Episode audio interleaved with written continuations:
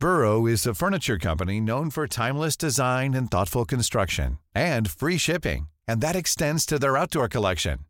Their outdoor furniture is built to withstand the elements, featuring rust-proof stainless steel hardware, weather-ready teak, and quick-dry foam cushions. For Memorial Day, get 15% off your Burrow purchase at burrow.com slash ACAST and up to 25% off outdoor. That's up to 25% off outdoor furniture at burrow.com slash ACAST. Since 2013, Bombas has donated over 100 million socks, underwear, and T-shirts to those facing homelessness. If we counted those on air, this ad would last over 1,157 days. But if we counted the time it takes to make a donation possible, it would take just a few clicks. Because every time you make a purchase, Bombas donates an item to someone who needs it. Go to bombas.com slash ACAST and use code ACAST for 20% off your first purchase. That's bombas.com slash ACAST, code ACAST. Ready to pop the question? The jewelers at BlueNile.com have got sparkle down to a science with beautiful lab grown diamonds worthy of your most brilliant moments. Their lab grown diamonds are independently graded and guaranteed identical to natural diamonds, and they're ready to ship to your door. Go to BlueNile.com and use promo code LISTEN to get $50 off your purchase of $500 or more. That's code LISTEN at BlueNile.com for $50 off. BlueNile.com code LISTEN. Hela det här samhällsproblemet är ett symptom av ett icke-fungerande samhälle där bland annat psykiatrin brister som fan. Mm. Och psykisk ohälsa. Ja, och, ja, men bara det här som vuxen att jag behöver hjälp att samtala med någon eller som ung så har du 12 månaders väntetid. Liksom. Mm. Alltså, det funkar ju inte i längden. Och det är ju för att vi har haft politiker oavsett färg som har dragit ner på massa saker. Mm. Så... Mm.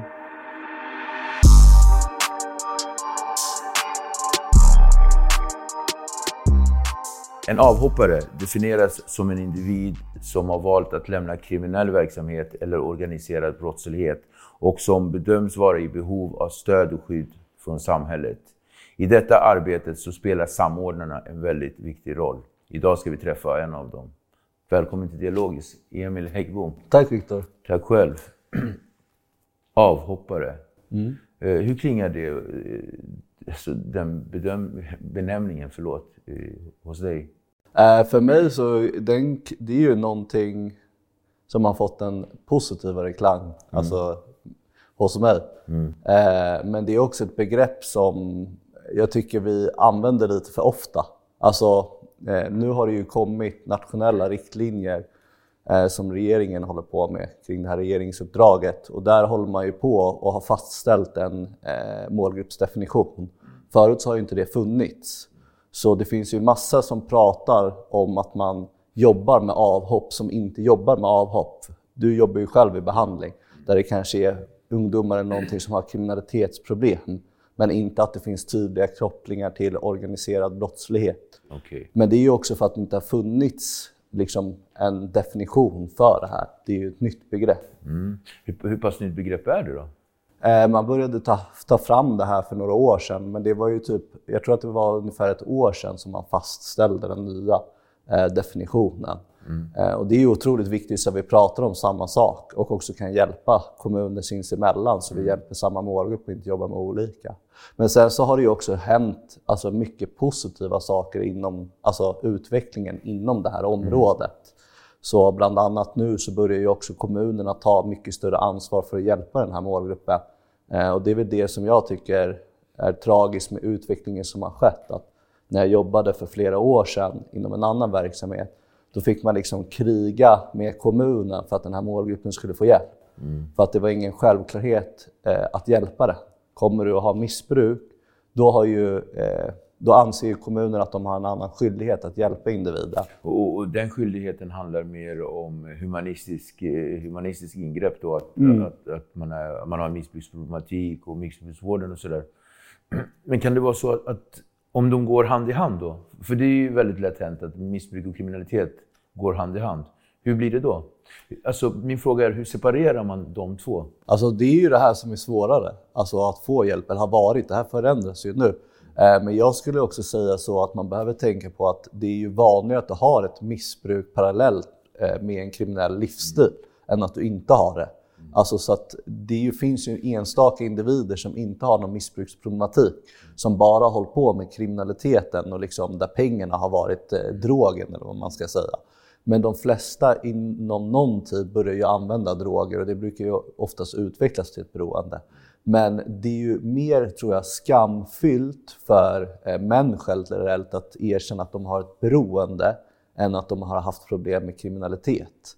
Alltså för att jag tror att det är liksom, det är den här lite att så här, Karaktärs... Ja, exakt. Och det är liksom, där skiljer sig också, tror jag, alltså för kvinnor. För de vill heller inte riktigt erkänna när de har liksom kriminalitetsproblem på det sättet som ofta killar vill. Så då är det bakvänt? Ja, Så kvinnor är mer i det känslomässiga tillståndet, att de kan erkänna att de har missbruksproblem medan det är tvärtom med män? Är det så du menar? Eller, Nej, det är mer erkännandet kring kriminalitetsproblemet. Men sen så tror jag att så här, missbruk och beroende i sig, den är så skamfylld den delen så att det blir svårare att erkänna det. Okej, alltså det är liksom så här, nej men jag har ju festat liksom med mina polare eller alltid den här, så här, jag har självmedicinerat. Man, brorsan är bara, man är så här, brorsan, det är exakt det som är grejen att du har självmedicinerat. Det är därför liksom beroendet ligger där.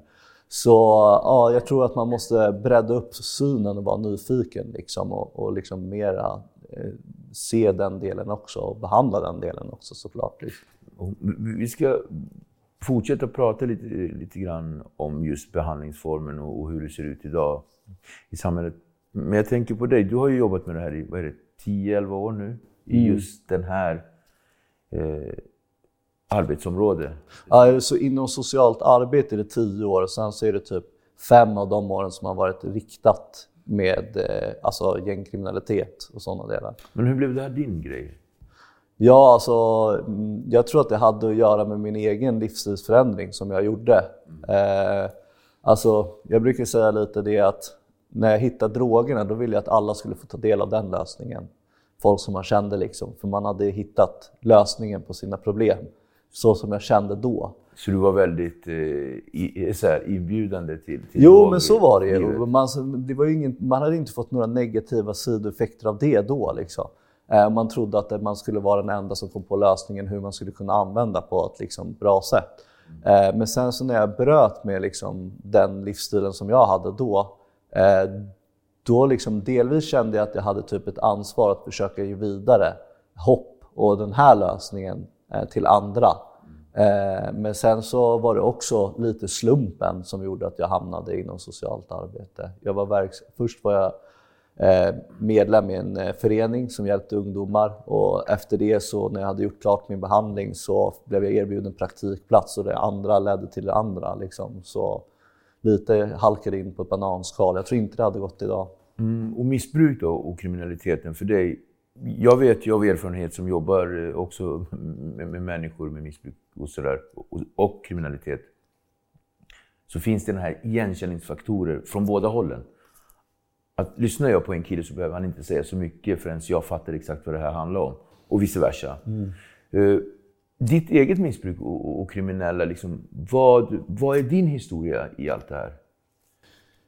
Alltså jag brukar försöka vara väldigt uppriktig liksom med min del. Alltså, jag tror att missbruk och beroende ofta går hand i hand med kriminalitet. Men det är inte så att jag har varit liksom, eh, någon omfattande Pablo Escobar. Alltså, jag var en liten skitunge som alltså, pundade rent ut sagt. Liksom. Eh, och sen behövde försörja mitt missbruk med det. Så det har ju varit kopplat liksom, till mitt beroende främst, inte tvärtom.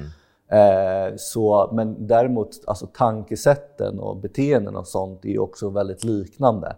Eh, och liksom, jag tror att de erfarenheterna man har att gå igenom det känslomässiga eh, och också hur det är att ha ett beroende, ta sig ur, ur ett beroende, alltså kan vara till hjälp för att skapa hopp eh, och tillit mycket snabbare i processen till människor som kommer från en liknande livsstil för att man har igenkänningsfaktorer.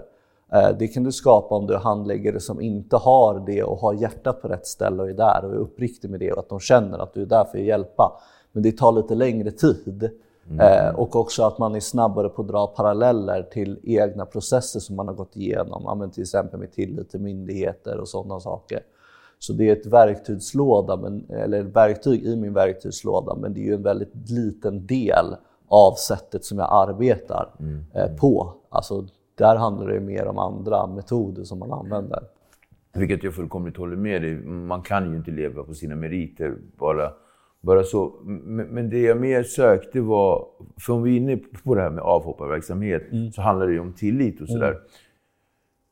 Hur lätt eller svårt är det att få en kille då till exempel som hoppar, hoppar av från, från ett gäng, låt oss säga Örebro, och, och kommer upp hit till Stockholm. Hur lätt eller svårt är det att få honom att till, eh, anförtro sig åt en person som inte har eh, en bakgrund?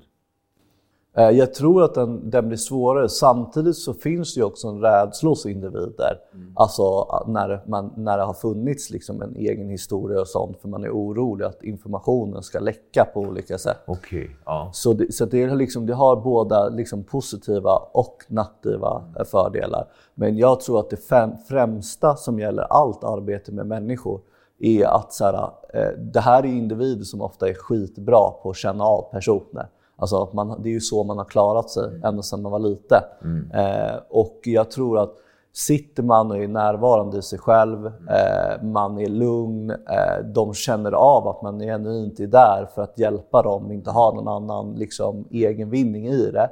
Eh, då skapas det ju successivt liksom, förtroende. Mm. Och där är det ju också superviktigt för oss professionella att agera som en bro mellan alltså myndigheter. Att för, men också vara väldigt raka med personerna om hur processen går till, hur stegen liksom funkar i processen, kolla med dem när de har haft samtal med socialtjänsten och myndigheter om de förstår vad som sägs. Alla är såhär, jag förstår, mm. men man förstår inte. Och hur i helvete skulle man kunna förstå? Alltså, jag är uppvuxen med morsa från eh, alltså, eh, Pappa från medelklass, utbildad, välutbildad. Mamma kommer från höginkomstfamilj. Liksom. Eh, så jag har ju fått massa förutsättningar och jag hade svårt att förstå byråkratin och hur folk snackade när jag slutade. Trots att du ändå hade Trots att jag har ganska mycket liksom med mig från när jag var liksom ung. Så då tar en person som kanske inte har de förutsättningarna, eh, då blir processen mycket liksom svårare. Mm. Så man måste agera som en tolk för att bygga upp tilliten igen och också vara väldigt noga med att så här, man är inte där för att man vill höra om brott som de har begått utan vi är där för att ta dem framåt i deras process. Liksom. Diagnoser då? Mm. Och så. Eh, många har ju, de flesta får ju en diagnos idag. Eller i alla fall de senaste 15-20 åren så, så har det kastats på diagnoser. Och eh, jag har också noterat att många som kommer in och tillfrisknar i både kriminalitet och missbruk blir av med en del av de mm. diagnoser mm. de faktiskt får. Mm. Eh, hur ser du på den eh, utvecklingen? Med alltså, diagnoser överhuvudtaget? Från mitt egna perspektiv och ens mm. egna erfarenheter och så, så Diagnoser är bra att det finns, ja. alltså så. Eh, men man måste också vara väldigt medveten. Alltså, som jag, jag har ADHD-diagnos. Eh, den gjorde jag om när jag hade typ sju, sju eller åtta års drogfrihet. Har fortfarande kvar den. Men det man måste förstå till exempel med ADHD är att det är en symptombaserad diagnos. Byter den karaktär menar du? nej men alltså det är ju typ, till skillnad från andra psykiatriska eh, diagnoser så är den ju baserad på symptom, hur det uttrycker sig för mig. Alltså så att man kan till exempel se kopplingen att är du uppvuxen i en familj där det eh, pågår missbruk eller andra psykisk ohälsa eller oroligheter så kan du ju som ung uppvisa rastlöshet, lätt irritation, missnöjdhet, svårt att koncentrera dig, utåtagerande beteenden och massa sådana här saker. Fast det är mer relaterat till uppväxten och olika former av trauman. Alltså förstår du? Så det här måste man ju sålla ut och nu utreder ju inte jag den här diagnosen, men ibland så känns det som att man har en person som har beroendeproblematik, har med sig den historiken, men man kollar inte igenom bitarna så djupt, utan man utdyker ju bara. Och så får du liksom diagnosen och sen så är det, det första hjälpen som man ofta får är att du får en eh, medicinering. Och vi som själva har ett beroende vet ju att det behandlar symptomen, mm, inte problemet. Ja.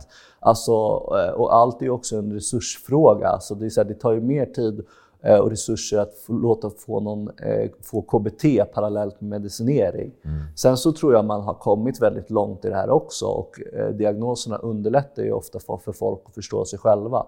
För mig så har det ju gett jättemycket liksom, svar på varför mitt beteende har varit som det har varit när jag var liksom, ung och är fortfarande i vissa delar. Liksom. Och, och vad är det då?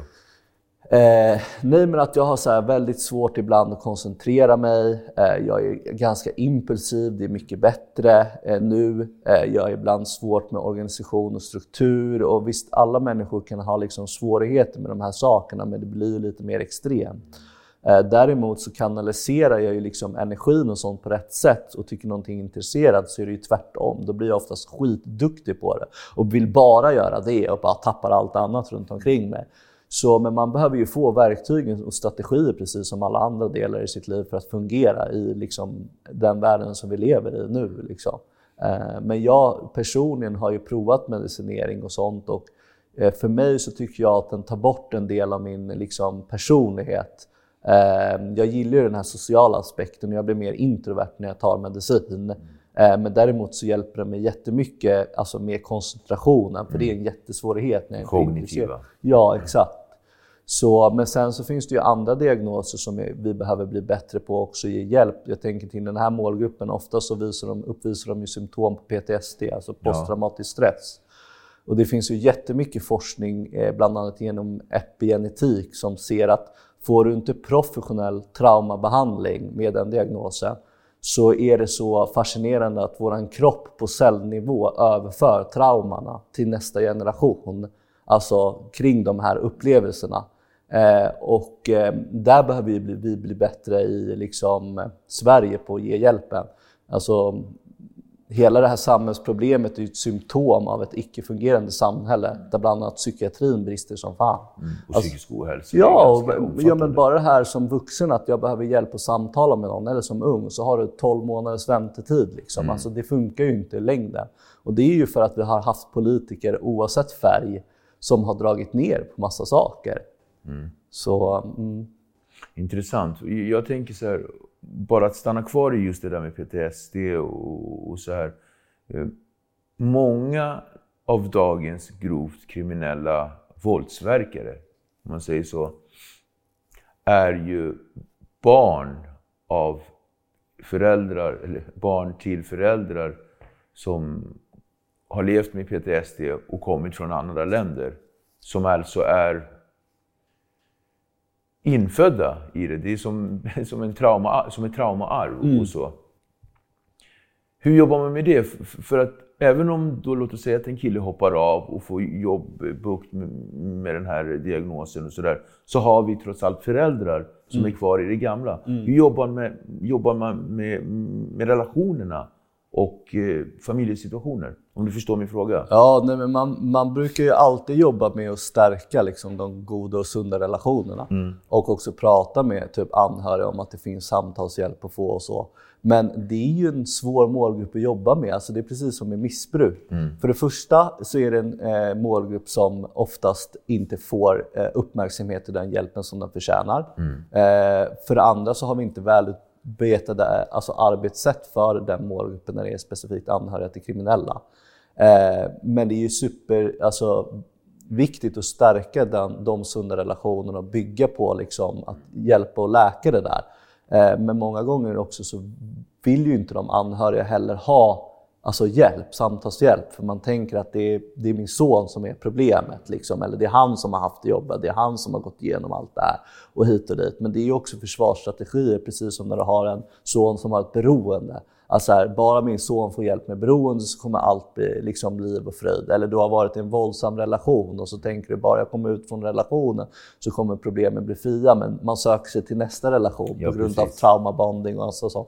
Så det finns så sjukt mycket likheter. Men jag tror att vi behöver som samhälle ta ett mycket större ansvar för anhöriga och hjälpa dem och hitta strategier och också låta dem träffa andra som har gått igenom liknande saker som kan hjälpa varandra med identifikationen och hjälpa och hitta strategier och framförallt prata om de här grejerna som man har varit med om. Mm. Eh, men också bättre på att uppmärksamma och erbjuda hjälp. Alltså, men det är ju samma sak där. Det har ju varit världens nedskärning inom, inom traumavården också. Liksom. Mm. Eh, och jag tänker med samhällsutvecklingen som är så borde det gå åt andra hållet. Fast det alltså, gör det inte. Nej, det är det som är grejen. Och det gör mig väldigt frustrerad. Och jag tror inte att man förstår vidden mm. av problemen som blir av det samhälle vi lever nu och det våldet framför allt är ju liksom... Jag mår typ illa av att här, bara tänka på det. Mm. Eh, och det är ju bara att typ tänka sig, alltså, om man kollar på typ krigsveteraner och sånt. Alltså, det finns ju en anledning till varför du till och med i Ukraina roterar soldater. Du, du, har folk på fronten och sen så får de komma någon annanstans för att försöka ta det lite lugnare. Och det är för att människan är psykologiskt och biologiskt inte byggd för att vara kring grovt våld under lång tid. Individerna som är i den här miljön, de får aldrig paus. Mm. De är det tills de slutar eller tills de dör. Liksom. Eller tills de hittar strategier för att liksom hålla sig borta från själva liksom, huvudproblemet. Så, ja, så behandling är superviktigt. Alltså, Hur mycket behandling har vi då i Sverige? Den resurser vet vi att vi har, ja. men tar vi vara på våra resurser? Det är väl det som vi kanske har varit lite dåliga på i Sverige, tycker jag generellt. Liksom. När det liksom är någonting som är aktuellt går det alltid att pumpa fram pengar. Mm. Men man pratar om att det inte finns pengar i de här, liksom skola, socialtjänst, eh, psykiatri, polis, alltså alla de här viktiga samhällsfunktionerna. Så där handlar det ju om att vi måste bli bättre på att följa upp och mm. utvärdera det som vi gör. Sen så finns det ju liksom behandlingskoncept som vi vet funkar med forskning och, och liksom som vi vet har resultat och sånt. Men där behöver vi också bli bättre, men, men i kommunen jag jobbar så fick vi bland annat ett eh, påverkansprogram av kriminalvården som heter Entré. Mm. Eh, och kriminalvården är ju bra på att följa upp och forska.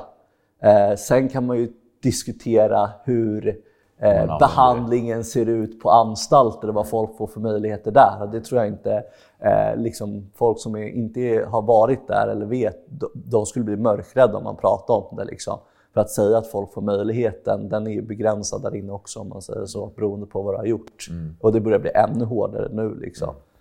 Så. För att det som händer inne på anstalt speglas ju av det som händer här ute, tyvärr. Exakt, och jag tror att så här, eh, många tycker jag hela tiden, man har ett läger som är för hårdare straff eh, och det är nästan som att det är ett läger som är för behandling. Mm. Och för mig är det så här, det är inte svartvitt som politiken heller.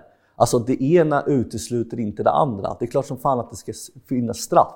Fråga vilken kriminell som helst om de tycker att det inte ska finnas där. Den kommer säga att det är klart att det finns ett, en funktion med det. Och ofta tar oftast individer som är i den miljön ansvar för det och försöker liksom göra det. Men problemet för mig är ju om man ska få folk att bli en del av saker, då behöver man ju också ha en rehabiliterande del. 100%. Och, och den är väldigt begränsad. Alltså jag har träffat individer som, som har suttit på anstalt och, på lång tid och sånt som har ansökt om att få studera får inte studera av olika anledningar. Även fast det inte är unga som har tagit upp platserna. Mm. Eh, och liksom, det är också så här, vad, vad håller vi på med då? Personal som, som inte har kunskap om att bemöta problemen, alltså inte är utbildade. Eh, du vet så här, vikarier som kommer in och tror att det funkar på ett sätt och har en attityd. Eh, du vet, beter sig illa och har någon maktgrej eh, och inte har någon aning om vad deras funktion är där egentligen.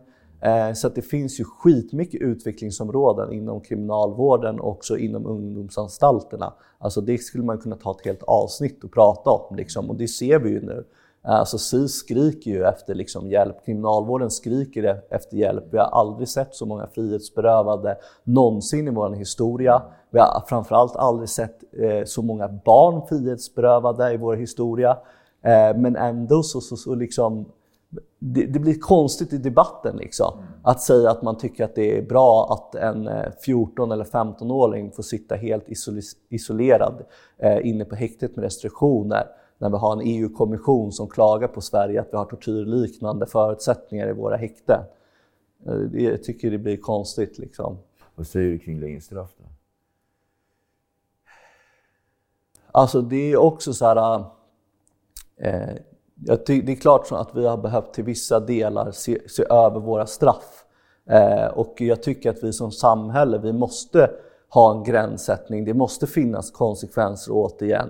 Alltså jag hade inte känt att det var okej om någon gick och dödade någon i min familj och den, det inte hände någonting eller den åkte på ett bananskal någonstans.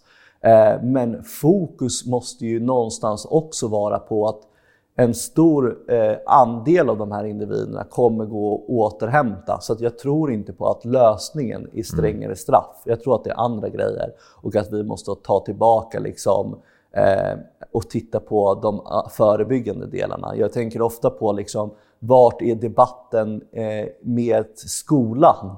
i debatten om eh, liksom gängkriminaliteten. Mm. De flesta individer som jag eh, har pratat med, som jag känner, inklusive mig själv, jag vet inte hur det var för dig, har ju alla en bristande skolgång. Mm. Alltså, och skolan enligt forskning är en av de största skyddsfaktorerna vi har. Men det kan också vara en av de största riskfaktorerna som vi har. På vilket och, sätt då tänker du med riskfaktorer? Nej men, alltså, det är också, kommer man inte in i skolan, blir man inte inkluderad i skolan, har man inte lärare som ser en och ser ens potential och fokuserar på det, alltså, då kommer man ju per automatik hamna i ett utanförskap mm. och bli mm. brännmärkt. Och, och liksom, där har vi ju också att vi måste se över det systemet som finns. Men äh, där börjar man prata om ordningsbetyg nu istället för att prata om att en lösning kanske hade varit att typ göra klasserna mindre så lärarna faktiskt hinner med eleverna som de har. Eh, du vet att fokusera på ledarskap och pedagogik från lärarna i klassrummen istället. Så det blir hela tiden så här konstig debatt liksom. Men om vi går in på individnivå då. Mm. Vad är de största hindren för att kunna jobba med dessa avhoppare eller de här unga människorna som väljer att byta livsstil. Du var ju inne på, på lite grann tilliten mm. och, och sådär, men vad finns det för fler? Nej, men jag skulle väl säga alltså tilliten är en sak. Eh, att många kanske inte har eh, kunskap om att det finns hjälp att få. Att det är många också individer som eh, inte känner eller upplever eller tror att de förtjänar att ta, få hjälp. Att liksom de har bränt sina broar. Ja. Eh, men liksom också att eh, som samhälle och kommuner bygga enkla vägar och snabba vägar för folk att få hjälp. Mm. Alltså så här, det här är ju precis som, som, som med beroendepersoner. Att så här, uh, the window of opportunity öppnar upp sig, men det stängs sjukt snabbt. Så om man då ska säga till någon att så här, Åh, nu har vi liksom ett samtal här och du ska få hjälp och så. så här, utredningstiden den kommer nog ta tre månader. Mm. Alltså, det kommer ju inte hålla. Liksom. Alltså, framförallt inte med en målgrupp som tycker att saker ska ha hänt för tre veckor sedan, även fast de bad om hjälp nu. Ja, så vi behöver ju göra det enklare och lättare för folk som faktiskt vill att få hjälp, att få det. Eh, men också bli bättre på gränssätta när det inte funkar. Att liksom säga att så här, okej, okay, nu det här funkar inte. Eh, kör din grej, du är välkommen tillbaka sen. Mm. För, för där tycker jag också att vi ibland eh, på grund av vår egen historik också kan ha medberoende tendenser till, till personer. Liksom. Eh, och man ska inte heller förakta kraften som, som det har att liksom komma ut i miljön och försöka igen och känna att så här, fuck, det här, det här funkar inte. Mm. Hur tycker du att den svenska samhällsgruppen mår? Det är intressant för att jag, den känns väldigt sjuk och det känns sjukt dystert och typ, jag tycker att man typ blir deprimerad när man tänker på det. Så jag försöker typ fokusera och ta tillbaka det till liksom vad fungerar, eh, se de här sakerna som också håller på att förändras i en positiv riktning och så. Mm. Eh, men jag tycker att det är riktigt, eh, riktigt tråkigt att vi har liksom de, de förutsättningarna i Sverige som finns, mm. men ändå så har vi så har vi liksom det här, det här starka symptomen på att vi har mm. ett väldigt sjukt och icke-fungerande samhälle. Eh, Statistikmässigt då? Jag tänker om vi tittar på två av tio inom missbruk brukar man säga klarar mm. sig. Mm. Och det är en dyster siffra. Mm. Eh, hur, hur, mycket är det när det gäller avhopparverksamheten? Då?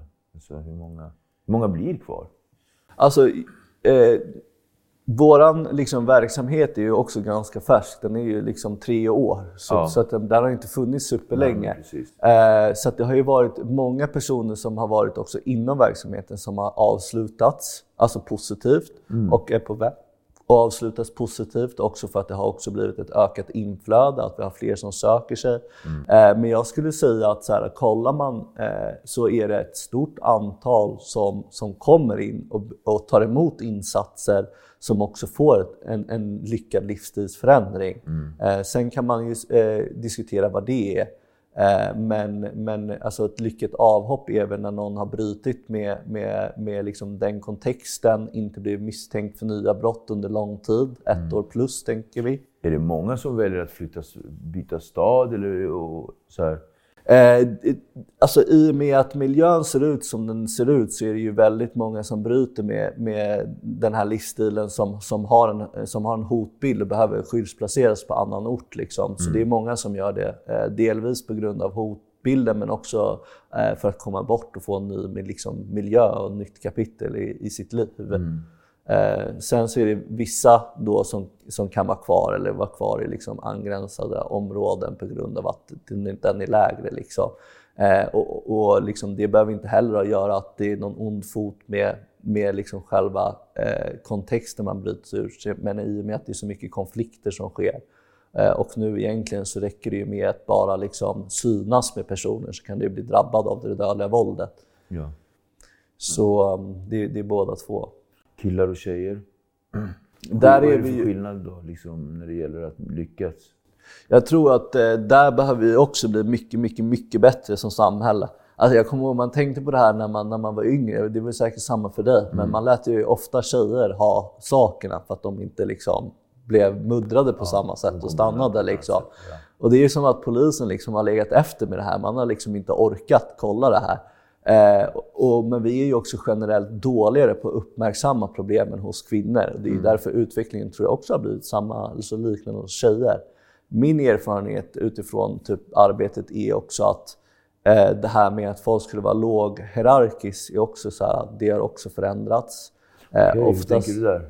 Nej, men oftast kan det vara individer som är sjukt entreprenöriella, precis som många i den här miljön, eh, men kanske jobbar lite mer som typ mäklare man har kontakter inom olika liksom, förgreningar och förmedlar kontakter och liksom syns inte på samma sätt. Alltså, tjejer brukar ju generellt vara lite mer street smart än killar om man säger så. Mm. Eh, men också att vi är dåliga eh, inom socialtjänst och andra myndigheter att också vara nyfikna och fråga och utreda liksom, om det finns någon problematik eller mm. inte.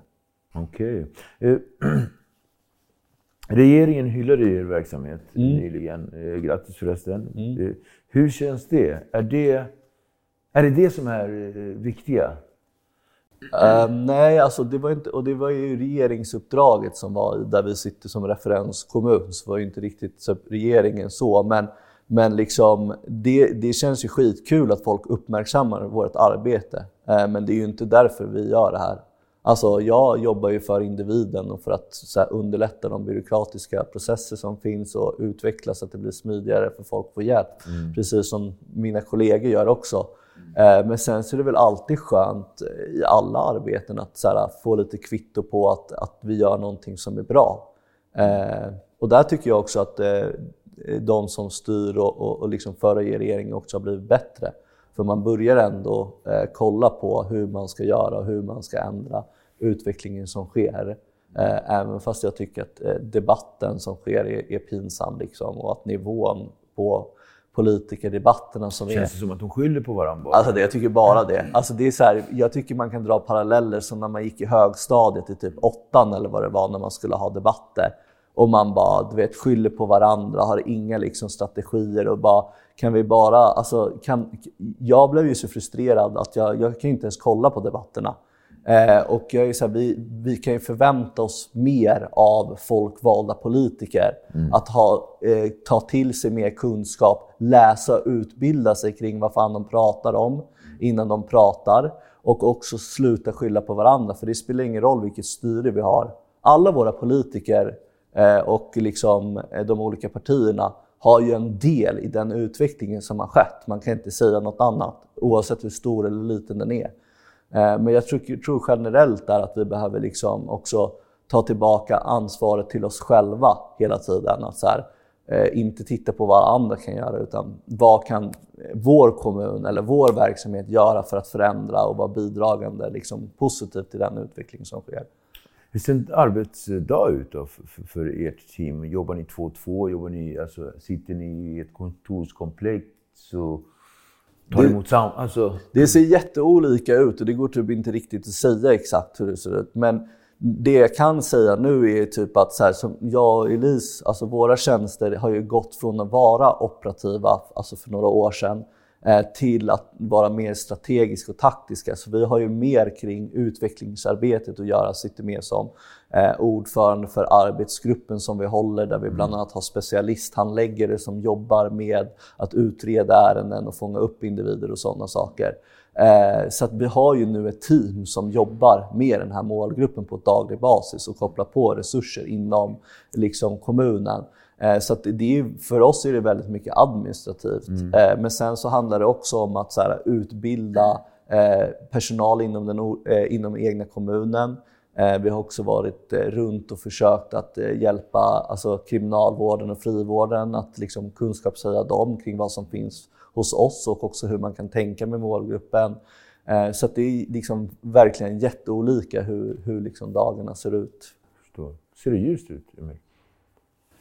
Eh, när, man inte, när man inte fastnar på saker som ja. jag gör ibland så ser det ljust ut. Ja. Men när man fastnar på saker som man blir liksom ledsen och sorgsen över, då blir det jävligt mörkt. Liksom. Eh, men wow. utvecklingen tycker jag generellt går åt rätt håll. Eh, men det går sakta. Liksom. Vad förutom eh, politiker som pajkastar fastnar du på? Nej, men en stor del till exempel när man tittar på äldre individer är ju det som vi har pratat om, är ju psykiatrin. Mm. Eh, att jag tycker inte, de är inte ens involverade i regeringsuppdraget som är nu. Och det är så här, hur i helvete ska vi låta folk få en bestående livsstilsförändring om man inte hjälper dem med deras psykiska ohälsa? Mm. Både det som de har med sig sedan innan men också det som de har fått med sig. Att både ofta har liksom, eh, varit våldsverkare, utsatt andra men också ofta i mångt och mycket också har varit utsatta själva för våld och olika grejer. Eh, det måste vi kunna ta hand om och då måste man ju som svensk medborgare också kunna liksom få hjälp när man söker hjälp. Och det är ju samma inom ungdomspsykiatrin. Mm. Alltså så här, jag tycker vi lever i ett samhälle där det visar sig att människor behöver prata om saker och ting. Men vi har som samhälle och vuxna oftast inte ens tiden att sitta och lyssna på någon.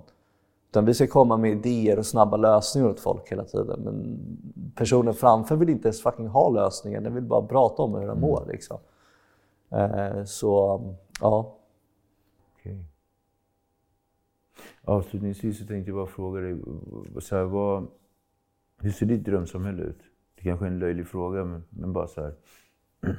Det är en stor fråga. Alltså. Ja. Men, men eh, om, om, om, vi trycker ihop den och, och försöker hålla oss till, till ämnet vi pratar om. Ja, nej, men alltså, i, min, i min drömvärld, och där kommer väl folk och tittare tänka så här, det har man redan i Sverige och hit och dit. Men i, i, i min drömvärld så lever vi i ett samhälle där, där vi ser individen och där vi hjälper individen nå sin fulla potential. Eh, och det gör man inte, tycker jag. Eh, utan man försöker paketera in folk i olika fack Eh, kring olika diagnoser eller olika bakgrunder eller olika historia eller olika val man har gjort.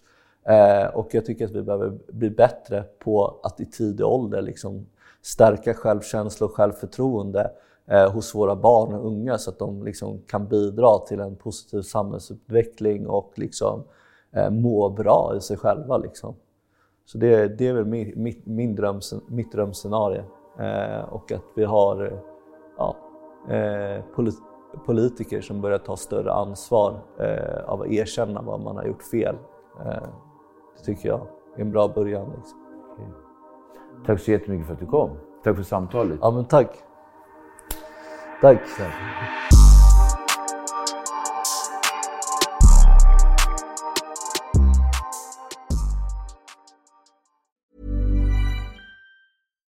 If you're looking for plump lips that last, you need to know about Juvederm lip fillers. With Juvederm Volbella XC and Juvederm Ultra XC, your lip look, whether it's subtle or bold, can last up to one full year with optimal treatment and no additional maintenance. Find a licensed specialist and see if it's right for you at juvederm.com today. That's J U V E D E R M.com. Add fullness to lips in adults over 21 with Juvederm Volbella XC or Juvederm Ultra XC. Do not use if you have severe allergies or a history of severe allergic reactions, or if you're allergic to lidocaine or the proteins used in Juvederm. Tell your doctor if you have a history of scarring or taking medicines that decrease the body's immune response or that can prolong bleeding. Common side effects include injection site redness, swelling, pain, tenderness, firmness, lumps, bumps, bruising, discoloration, or itching. As with all fillers, there's a rare risk of unintentional injection into a blood vessel, which can cause vision abnormalities, blindness, stroke, temporary scabs, or scarring. For full important safety information, visit juvederm.com. Planning for your next trip? Elevate your travel style with Quince. Quince has all the jet setting essentials you'll want for your next getaway, like European linen, premium luggage options, buttery soft Italian leather bags, and so much more. And is all priced at 50 to 80% less than similar brands. Plus, Quince only works with factories that use safe and ethical manufacturing practices. Pack your bags with high-quality essentials you'll be wearing for vacations to come with Quince. Go to quince.com slash pack for free shipping and 365-day returns. Hey folks, I'm Mark Marin from the WTF podcast and this episode is brought to you by Kleenex Ultra Soft Tissues, your ally to help tackle your allergy symptoms this season. I love the change of seasons, but nobody loves pollen and all those other things floating in the air that make you sneeze during this nice weather. Kleenex Ultra Soft Tissues are hypoallergenic and allergist approved. So fight back against watery eyes and runny noses without worrying about irritating your skin. For this allergy season, grab Kleenex and face allergies head on.